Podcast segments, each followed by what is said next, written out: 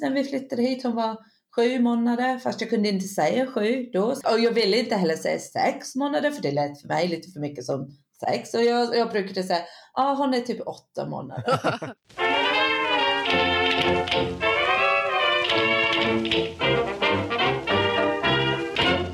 Lysande lagom. Välkomna till Lysande lagom, podden som handlar om svenskt språk, svensk kultur och om att lära sig svenska och om att leva i Sverige får vi väl lägga till nu. Jag heter Emil Molander, jag är lärare svenska som andra språk. Och jag heter Sofie Tegsveden Duvå. Jag driver företaget Be Swedish som sysslar bland annat med svensk kultur. Och idag har vi faktiskt en gäst med oss, nämligen författaren Sarah Campbell som nu i februari kommer ut med boken Swedish for Parents. Eh, Sarah, välkommen. Hej, tack. Tack så mycket. Och du har alltså skrivit en bok som riktar sig till utlandsfödda föräldrar som är, precis har kommit till Sverige eller precis blivit föräldrar i Sverige. Va varför behövs en sån här bok? Ja, alltså den boken som jag har skrivit är egentligen den boken som jag själv gärna hade haft när jag flyttat hit. Um, för um, alltså att, att ha barn det är kul men det är inte lätt. det vet till... vi väldigt väl. ja, precis. Och flytta till ett annat land eller bo i ett annat land, det brukar också vara kul men det är inte heller lätt. Alltså om man gör båda samtidigt då kan det vara rätt svårt. Tårta på tårta eller inte? Ja, precis. Alltså det är nästan som en guidebok, en handbok, att man får lite kulturell information, lite sociala grejer och sen en massa alltså viktiga ord och nyckelord som man kan behöva. Du har flyttat hit själv från England, eller hur? Ja, det har vi gjort. Vi har bott här i snart fem år nu. Och... Vad tror du är den största skillnaden eh, me mellan Sverige och England när det kommer just till att vara förälder? Alltså det finns inte så många stora skillnader, men små saker, alltså så de vardagliga saker som man mm.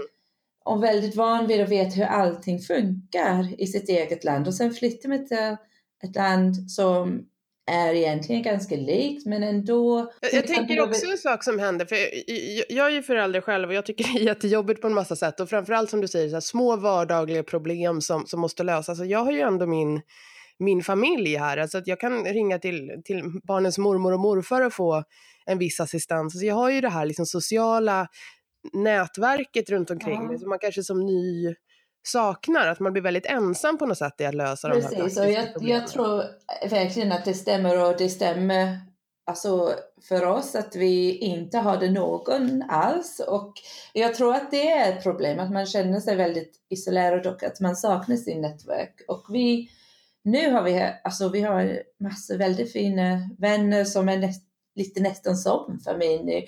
Men det är någonting man måste verkligen alltså jobba med att skapa ja, men, får jag, men får jag fråga då, de vänner som ni har fått nu som du säger som är nästan som familj, mm. nu, nu, nu är, är de svenskar eller är de utländska? För mina fördomar säger då att det här är andra utlänningar som du är kompis med.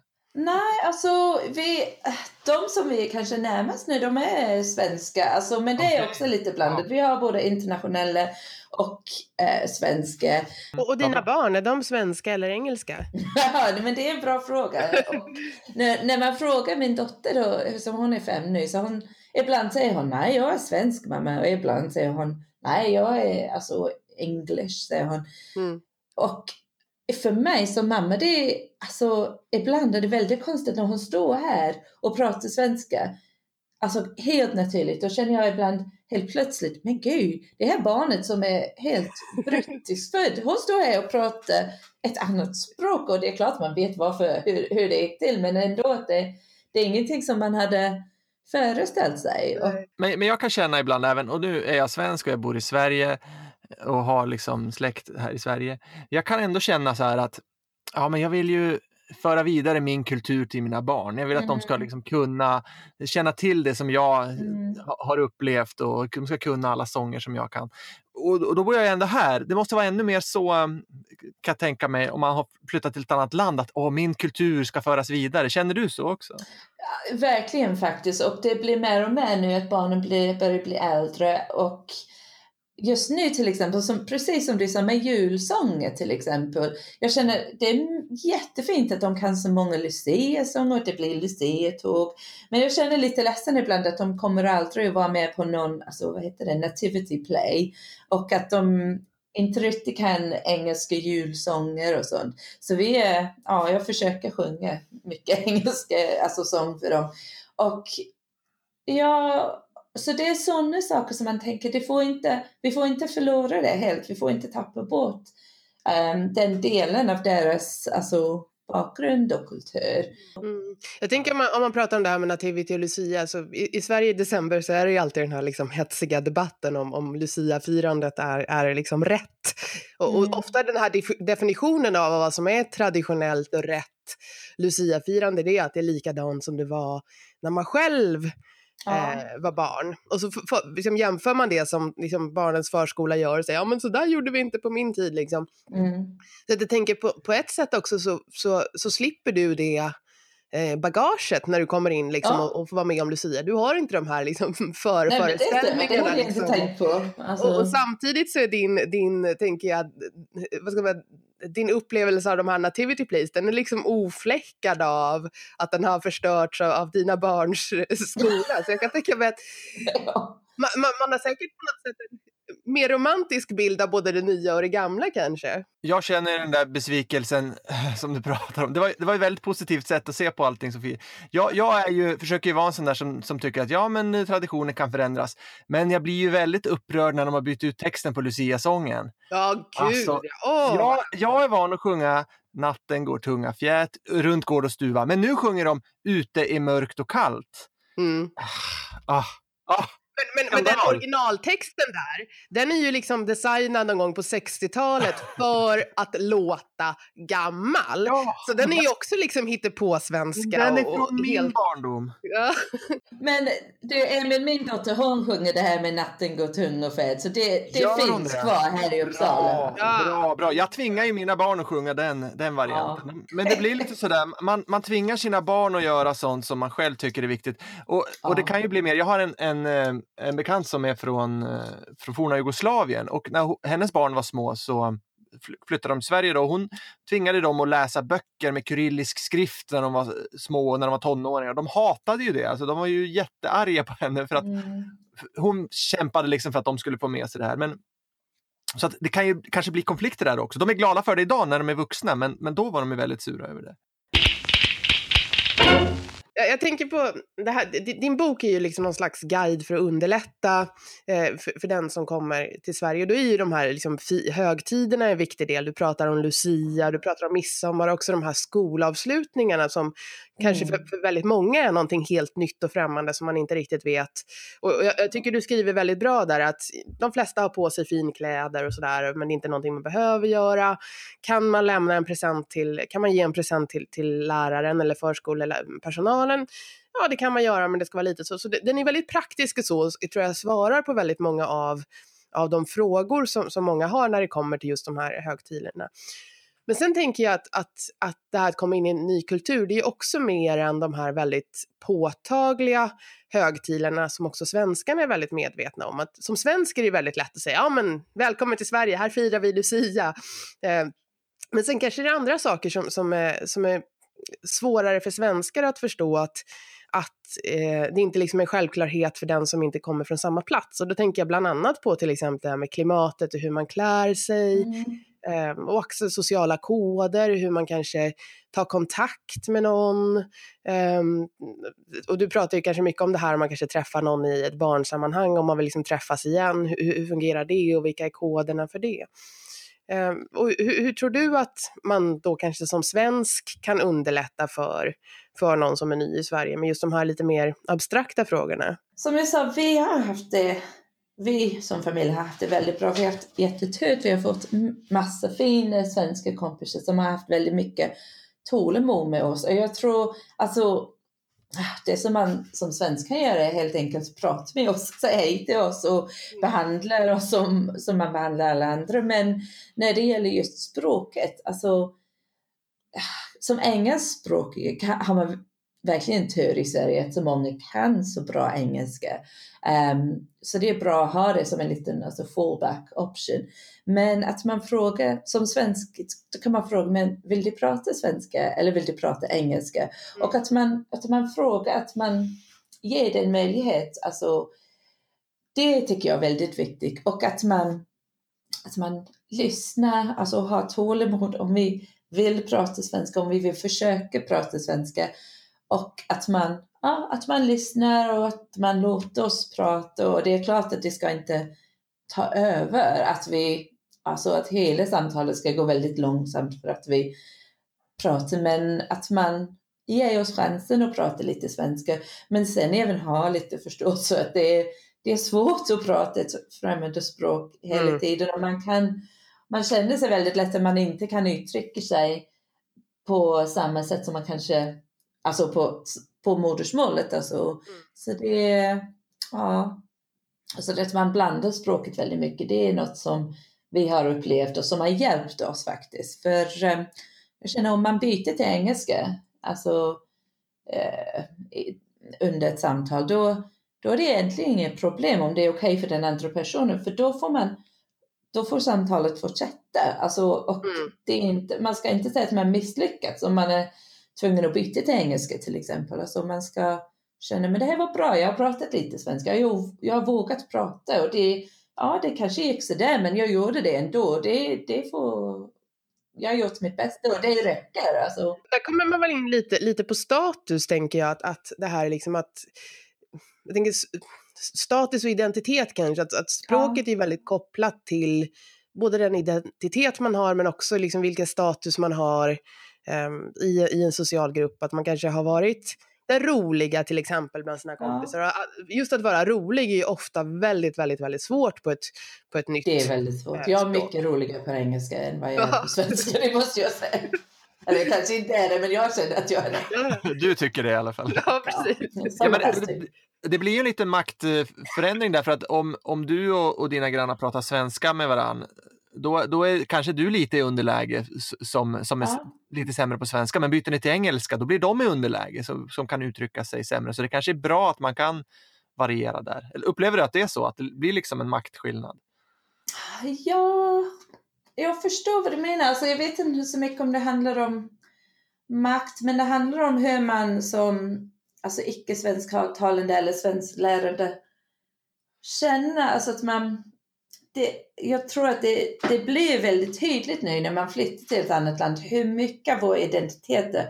alltså hur mycket det hänger ihop med språket. Och precis ibland så känner man, alltså vem är jag nu Så, så står jag och pratar? Det är inte samma person som pratar alltså, när jag pratar mitt modersmål. Och man, man blir väldigt orolig. Alltså, tänk om de tycker jag är dum just eftersom jag kan inte språket. Tänker om de tycker jag är tråkig, att jag inte kan någonting. Jag tror det är viktigt att man, särskilt när man är väldigt um, very fragile, alltså som nybliven förälder som man är ändå, alltså att man, ja precis så bara, att man inte glömmer bort att du är inte bara någon som lär sig svenska, du är en massa andra grejer också. Alltså du är partner, du är förälder, du är en egen person, du är lärare, läkare, skådespelare, vad vet jag. Alltså att man inte ska fastna i att ens identitet bara alltså, definieras av språkförmågan. Alltså, Jag tror att föräldraskapet och, och, och den här sårbarheten är väldigt relaterat. Jag tänker liksom, innan jag blev förälder så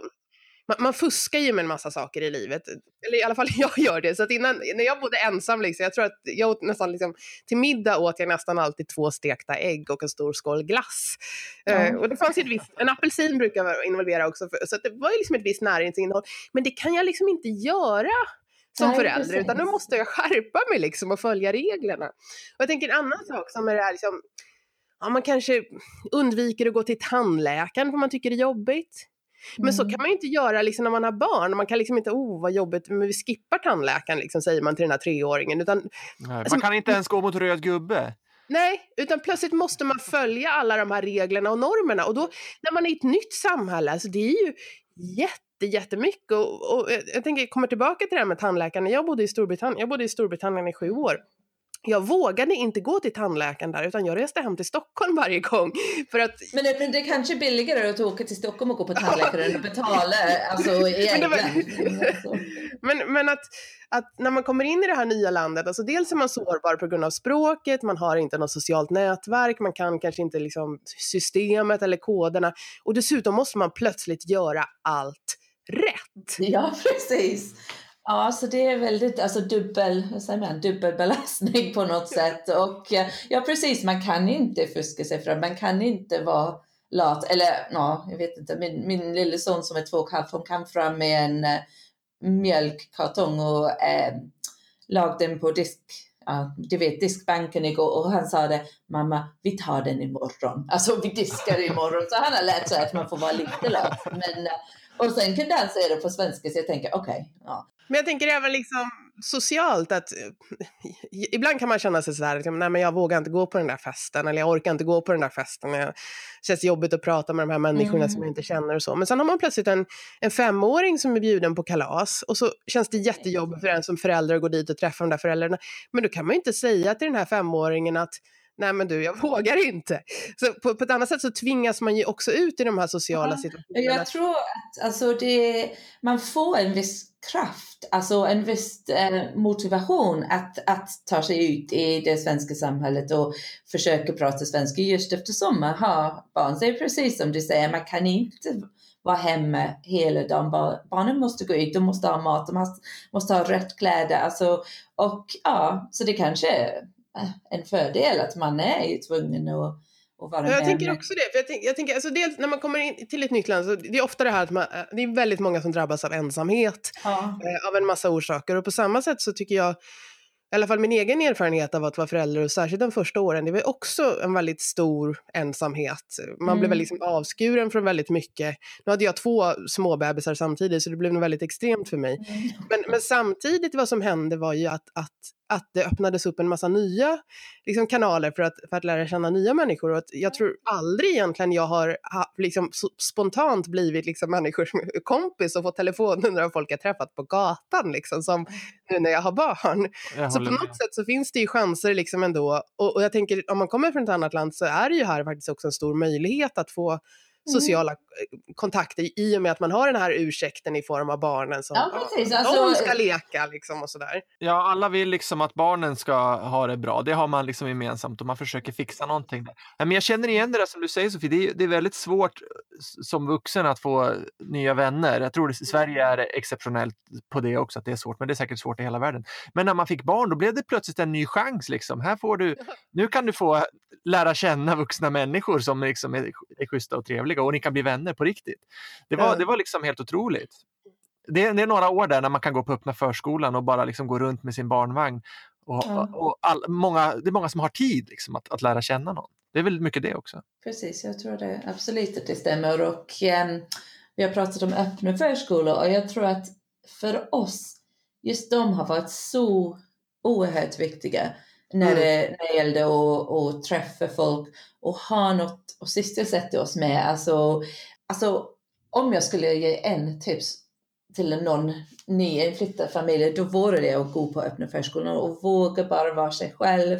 Och ja, i boken har vi ju alltså lite olika fraser, och meningar och ord man kan använda bara för att köra igång ett samtal med folk. Men ja, det, det är något som, vi, ja, som ni, ni kanske hör, det betyder väldigt mycket för, för oss att vi har fått gå på öppna förskolor och jag önskar att, att det skulle bli lika bra för alla, för att man bara känner okej, okay, jag kan inte säga allting som jag vill säga, men jag går dit, jag tar kaffet, barn får leka och vi får göra det så bra vi, vi kan och det får duga typ. Alltså. Jag förstår det verkligen. Ja, men jag, jag, har, jag har samma upplevelse av, av öppna förskolan utan att vara, men jag var ändå ny i stan, relativt ny i stan och kände inte så mycket folk. Det var, mm det var, det var en räddning att kunna gå till öppna mm. förskolan med när jag var föräldraledig. Det var verkligen så.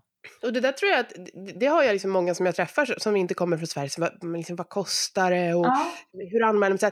Att, att, liksom att man kan ge dem den här informationen som vi svenskar tar för givet. Förskolan är gratis, det är bara att liksom komma dit. Att, att, att det första tröskeln faktiskt, att man kommer över den. Mm. Och sen som du säger så här, det är jobbigt, men det, det, det är jobbigt för oss svenskar också. Så det är ja, bara att liksom komma dit varje vecka träffa samma människor och sen så liksom långsamt så börjar svenskarna tina. Sen tänker jag på det här också med, med liksom själva attityden. Du pratar lite om, om, om hur att vi som svenskar ska liksom fråga och lyssna och, och ta kontakt med, mm. med eh, den som kommer från ett annat land. Och själv känner jag, nu är jag i och för sig lite färgad av mitt jobb, men jag kan sådär gå, på, gå till lekparken och så ser jag att någon ser glad ut och ler lite. Och sen så, så, några minuter senare, ja ah, men de pratar tyska, ja men, ja, men då, det förklarar liksom. Ja men det var därför. det, det är ofta de personerna som jag sen väljer att ta kontakt med, för jag vet att det är lättare att få igång ett samtal Ja, än samma kanske den typiska svensken, trots att språket kanske ibland står i vägen. Ja, men utlänningar vet ju hur man börjar prata med någon. sådär. Svenskar är mycket sämre på det. Det blir bara stelt och konstigt. Jaha, varför pratar du med mig? Liksom, kan en svensk tänka. Tror man i alla fall att de tänker. Men med utlänningar, då är det som inget, inget konstigt att man, vill, att man vill konversera lite. Det gör man ju i Det utlandet. kanske stämmer. Alltså, jag pratar med en del svenska kompisar om det och de säger att ibland är de rädda för att de ska alltså, misslyckas med engelskan och så de gärna vill prata men de är ja, lika blyga eller eh, rädda. Men ja, det, det kanske stämmer att, det, att Sverige inte är något land där man går fram och pratar med folk sådär. Alltså, och i England då är man lite mer van att säga hej till alla på, på gatan och prata med någon i bussen eller på tåget eller sånt. Det gäller, om jag, om jag bara tänker på vår egen förskola, vår, vår första dag när vi kom så vi hade fått ett välkomstbrev och en adress och så gick vi dit och ringde på dörren och det var ingen som öppnade. Vi stod och ringde tror jag säkert en kvart, 20 minuter och kände oss allt mer desperata. Till slut var det en annan förälder som, som öppnade och släppte in oss. Och så fick vi komma in och så satte vi, satte vi oss i liksom en ring där med barnen och fick någon slags introduktionssamtal. Och under den här hela tiden så ringde det på dörren. Vi var så här, är det någon som ska öppna så här? Men, men pedagogerna sa liksom, "Nej, men nej, men det är barnen som ringer så här. Det är barnen som tycker det är roligt och leker och ringer på dörren. Sen var det här mötet slut och vi gick därifrån och så hade vi, kom vi på att vi hade glömt någonting och gick tillbaka och ringde på dörren igen och igen tog det jättelång tid innan vi, vi fick komma in liksom.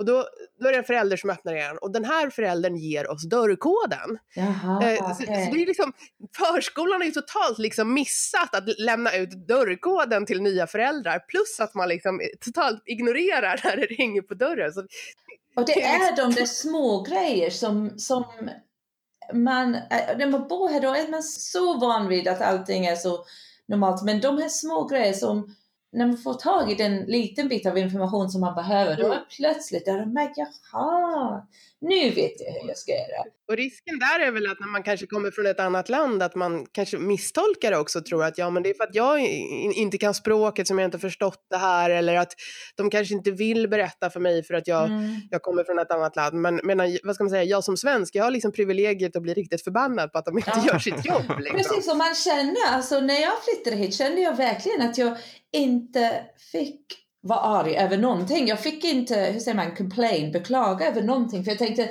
nej, alltså det är inte mitt land. Jag får bara stå ut med vad som helst eftersom, ja, jag får inte säga något emot alltså det svenska systemet eller sånt. Men nu känner jag, men ja, alltså det är klart man vill inte kritisera hela tiden. Det är inte det som är poängen, men att man har lika rättigheter som alla andra och, och säga men nej det här var inte helt okej faktiskt. Nej, men det där känner jag igen. Jag hade en, en, en student en gång som var, hon var läkare själv. Och så gick hon till doktorn här och fick liksom ett dåligt bemötande och fick dålig vård. Och hon fattade ju liksom exakt vad de gjorde som var fel. Och så kom, så kom hon till mig och berättade om det här sen. Och så sa jag, men sa du att du var läkare? Nej, nej, nej, jag, jag ville liksom inte. Och så hon sa ingenting och klagade inte, Ja. sa ingenting, utan inte, kunde inte ens berätta, ja, jag är också läkare, kan du förklara för mig på det sättet? Nej, utan man så Man vill inte vara till besvär, alltså man, man känner Man- nästan att man ska vara tacksam för, för att vi, Ja, tror alltså för kände så. allting. Och, alltså, Och det där tänker jag att, att, att din bok eh, ge- ger väl en slags liksom makt, eller, eller ja, i och med att man får den här informationen och kanske får lite mer grund för vad man kan förvänta sig i fråga om liksom både förskolan och, och i fråga om till exempel Försäkringskassan och BVC och även liksom Mm. socialt. Då har man ju också lite mer liksom att grunda eventuell kritik på. Det kanske blir lite lättare att ta de här fighterna trots att man har den här liksom känslan att man inte riktigt eh, får så att Ja, säga, precis. Jag tänker, alltså, I boken så har vi eh, väldigt många alltså, nyckelord, eller så keywords som man kan om man har no några nyckelord som man kan använda för att bara googla sig fram till exempel, då behöver man inte kämpa lika mycket med de små sakerna, Då får man fokusera på de saker som är, väl, som är mest viktigt. Precis. Men hur, hur ska man kunna hitta öppna förskolan? Hur ska man kunna googla öppna förskolan om man inte vet vad det heter? Det, ju, det, det krävs ju att man har det här ordet som man inte själv kan googla sig fram till. Liksom, utan, så jag tror att ibland så, vad ska man säga, överskattar vi Google ibland och tror att man alltid kan googla allt, men det handlar ju väldigt mycket om att man ska veta vad man ska söka Precis. efter. Och just det där i ett nytt land, i ett nytt språk, alltså det är inte alltid så att saker heter det de borde heta heller, utan de heter ju liksom kon konstiga saker, oväntade saker också. Ja, hur ska man bara fatta eh, att det förskola och öppen förskola är två helt olika saker? Det är Precis. inte så, så jättetydligt liksom vad, vad som är vad. Swedish for Parents heter boken, alltså kommer i februari. Den, den kommer vara väldigt värdefull tror jag för många. Den är väldigt kul att läsa också för den är så vackert illustrerad också.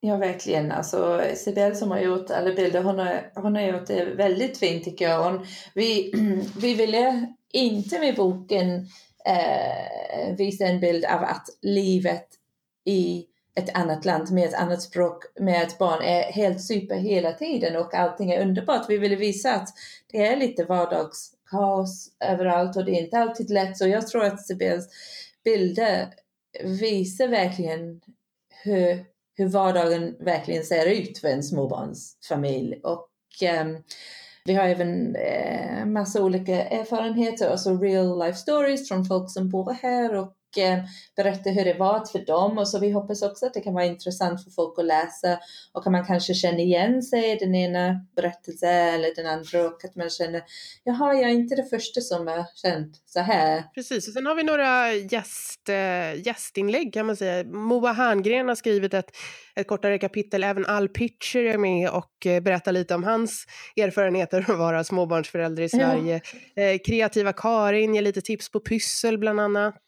Eh, Precis. Så det, det, är också tror jag väldigt viktigt att ge det här att det finns flera perspektiv också att, och att, att, att, att jag tror att boken förmedlar det här att, att alla har ju sin egen historia och sina egna förutsättningar för att klara och sina egna lösningar kanske på problemen. Och att, jag tror egentligen också en sak som, som, som du vill förmedla med den här boken det är att det är, må, det är många sätt som går och det, det, som, det som funkar för, för var och en får, får funka. Liksom. Ja, precis. Men att man alltså- inte, inte, liksom känns, inte ska känna sig stoppad eller hindrad just av att man tycker det är läskigt med språket. Utan precis. man får pröva man, sig fram och man hitta... Man vågar prata, alltså det är bara att göra det som man kan och pratar man inte perfekt, då pratar man inte perfekt. Jag tycker det är ingen som behöver känna att de måste sitta hemma och vara ensam just eftersom de är rädda för att säga något ord fel eller säga fel. Ja. Så det, det är väldigt viktigt och jag hoppas att det budskapet kommer fram i boken att man You're doing a great job. alltså. mm. Jo, men jag tror det kan vara ett väldigt bra stöd för många. Swedish for Parents heter den. Alltså, man kan köpa den på nätbokhandlar, Bokus, Adlibris etc. eller på lysförlag.com. Där kan man också läsa lite mer om boken. Ja, det här var alltså eh, Lysande lagom. Vi tackar Sarah Campbell, författare tack till Swedish for Parents. Tack för att du var med. Tack att jag fick vara med. Och tack Sofie. Tack Emil. det svenska tacket. Tack, tack. Jag är, jag är väldigt tacksam. Tack för att ni har lyssnat. Hej då!